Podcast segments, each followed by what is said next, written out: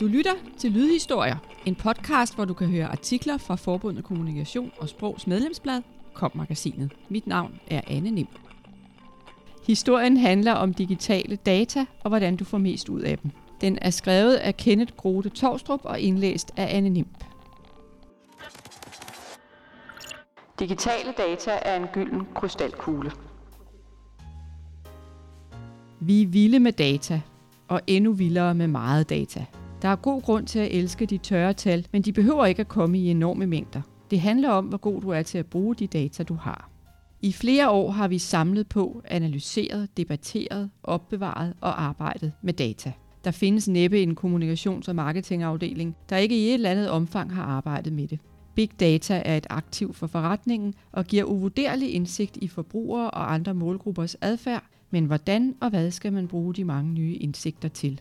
Det fortæller Martin Græser, der er direktør og medstifter af Quantum, et online marketingbyrå specialiseret i AdWords og SEO om her. Da vi etablerede virksomheden for fire år siden, talte alle om big data, men få vidste, hvad man skulle gøre, hvordan man fik adgang og hvad det krævede. Og det kræver en del, og nogle kompetencer, man ikke umiddelbart kan læse sig til. For eksempel er vi på byrådet en broet skare.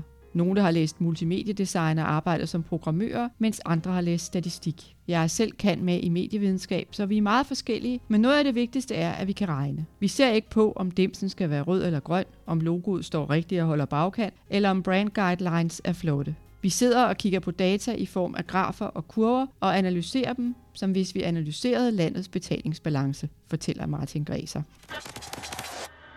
Lidt men godt. Som nævnt er det ikke mængden af data, der batter, men evnen til at bruge sine data til noget. Meget eller lidt data er sådan set lige meget for os. Hvis bare vi får en lille smule data, kan vi begynde at arbejde med salgsmodellering og segmenter. I stedet for at gøre det komplekst, kigger vi på den data, der er. Og det er ikke bløde data og antropologi, som man bruger i klassisk reklame, for eksempel hvor du bor, om du har et eller to børn, er gift eller ikke gift. Det er hårde data, vi trækker ud af Google Analytics, hvor vi kigger på menneskers klikmæssige adfærd i den Excel-mæssige krystalkugle og laver salgsmodellering derudfra, siger Martin Græser. Helt konkret sidder teamet hos Quantum dagligt og skruer på kundernes digitale markedsføring ud fra overvejelser om budget, målgrupper og målsætninger. Kunderne er små og store virksomheder fra ind- og udland. Google har flere millioner parametre for SEO og flere hundrede tusind for AdWords. Der er mange ting på spil i forhold til at opnå en god kvalitet inden for salg og konvertering. Når folk søger på bukser, er det så relevant for os at være der? Hvis vedkommende kender X-brand, er det måske interessant at vise os frem. Hvis et klik koster 8 kroner, er det måske ikke interessant, hvis de ikke kender os, men vi vil måske gerne give 12 kroner for et klik, hvis de kender os. Hvad må det koste? Og hvor mange gange vil I have pengene igen? Er der et realistisk forhold mellem mediebudgettet, dit brand, kvaliteten af dit website og webshoppen? Hvis du putter en krone på, hvor mange gange skal kunden så have den hjem igennem solgte par bukser eller sko i webshoppen? Hvor mange penge skal man smide efter x antal visninger? Det er den type spørgsmål, vi arbejder ud fra. Der er ikke noget branding i vores del af markedsføringen. Det er udelukkende en taktisk indsats, fortæller Martin Græser. Marketingafdelingens arme og ben.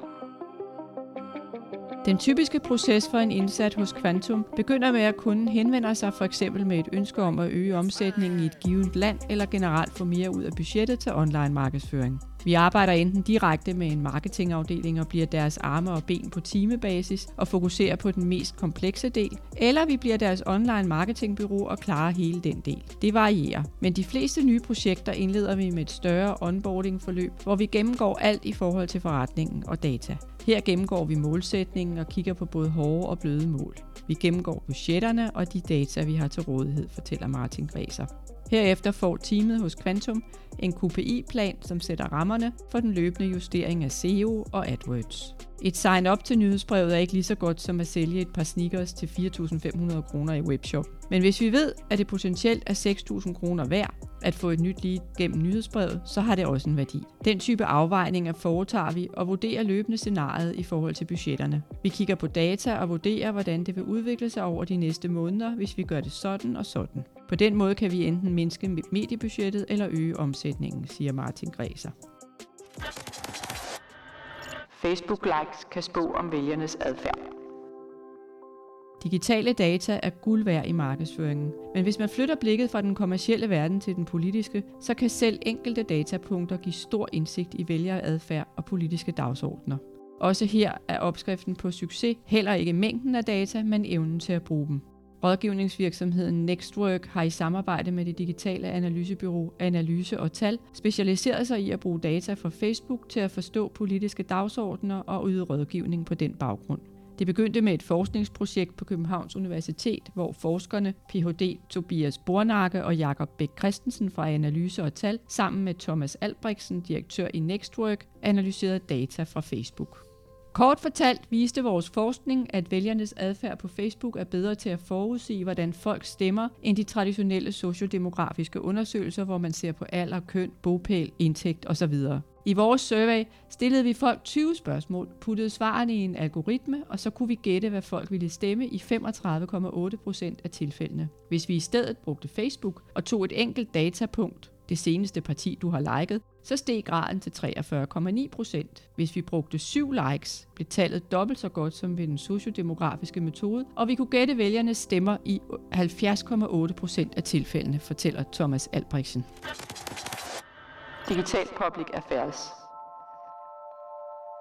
Facebook alene rummer enorme datamængder relateret til vælgeradfærd.